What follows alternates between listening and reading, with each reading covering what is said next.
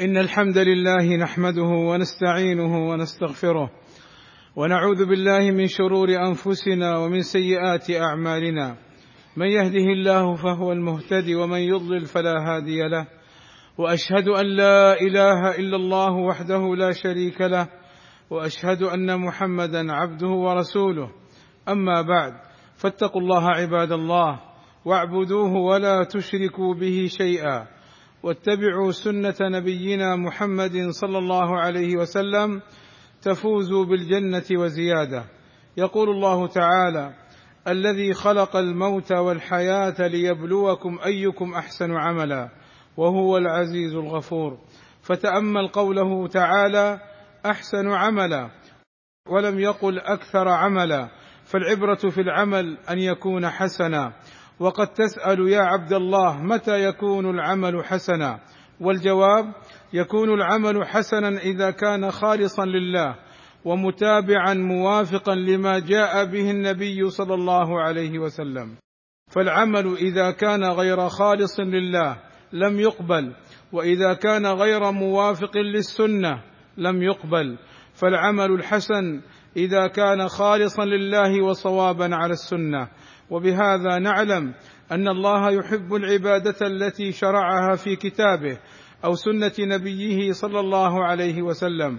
قال تعالى في الحديث القدسي وما تقرب إلي عبدي بمثل أداء ما افترضت عليه ولا يزال عبدي يتقرب إلي بالنوافل حتى أحبه. وتعلم أن العبادة المحدثة أو المبتدعة لا يحبها الله ولا يقبلها من فاعلها قال صلى الله عليه وسلم من عمل عملا ليس عليه أمرنا فهو رد أي مردود غير مقبول والشيطان يعمل على ترغيب الناس على فعل البدع والمحدثات في صورة التقرب إلى الله والتقرب إلى الله إنما يكون بفعل ما جاء به الرسول صلى الله عليه وسلم. قل إن كنتم تحبون الله فاتبعوني يحببكم الله ويغفر لكم ذنوبكم والله غفور رحيم. فهذه الآية الكريمة حاكمة على كل من ادعى محبة الله ولم يطبقها ويعمل بها في اتباع سنة النبي صلى الله عليه وسلم فإنه كاذب في دعواه حتى يتبع سنة النبي صلى الله عليه وسلم في جميع أقواله وأحواله. قال العلماء ليس الشأن أن تحب إنما الشأن أن تحب.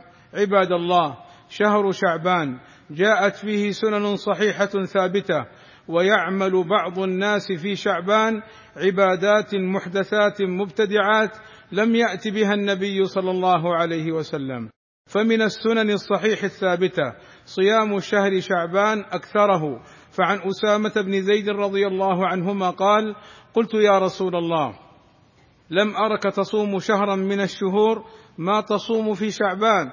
فقال صلى الله عليه وسلم ذلك شهر يغفل الناس عنه بين رجب ورمضان وهو شهر ترفع فيه الأعمال إلى رب العالمين فأحب أن يرفع عملي وأنا صائم. ومن السنن الصحيحة عدم مشروعية صيام شعبان بعد منتصفه لمن كان لم يصم من قبل منتصفه. قال صلى الله عليه وسلم إذا بقي نصف من شعبان فلا تصوموه. وقال صلى الله عليه وسلم لا يتقدمن أحدكم رمضان بصوم يوم أو يومين إلا أن يكون رجل كان يصوم صوما فليصمه. فيشرع الصوم من أول شعبان إلى آخره أكثره.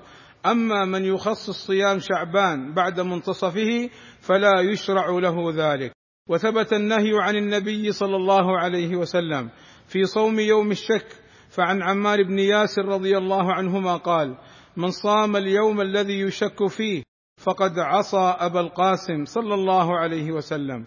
ويوم الشك هو يوم الثلاثين من شعبان إذا لم يرى الهلال في ليلة بغيم ساتر أو نحوه فيجوز كونه من رمضان وكونه من شعبان. والحديث وما في معناه يدل على تحريم صومه. والله أسأل أن ينفعنا بما سمعنا وأن يجنبنا الخطأ والزلل. إنه سميع مجيب الدعاء. الحمد لله رب العالمين.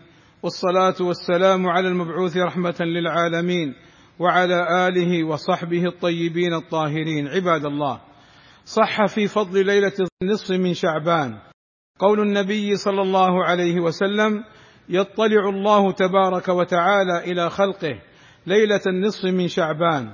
فيغفر لجميع خلقه إلا لمشرك أو مشاح. فاحرص يا عبد الله على عدم الوقوع في الشرك واحرص على التصالح وعدم التهاجر لأمور الدنيا. وأما تخصيص ليلة النصف من شعبان بقيام وعبادات ويومها بصيام فهو من البدع المحدثات لعدم ورود شيء عن النبي صلى الله عليه وسلم في مشروعية ذلك. فالاحتفال بها بدعة محدثة في الإسلام وهكذا تخصيصها بشيء من العبادة مما لم يشرعه النبي صلى الله عليه وسلم بدعة منكرة كما ذكر ذلك أهل العلم عباد الله لنغتنم أوقات الحياة في طاعة الله تعالى ومرضاته وفق شرع الله عز وجل في كتابه الكريم وسنة رسوله صلى الله عليه وسلم. ولنجتنب المحدثات والبدع فإنها ضلالات لا خير فيها. عباد الله إن الله وملائكته يصلون على النبي.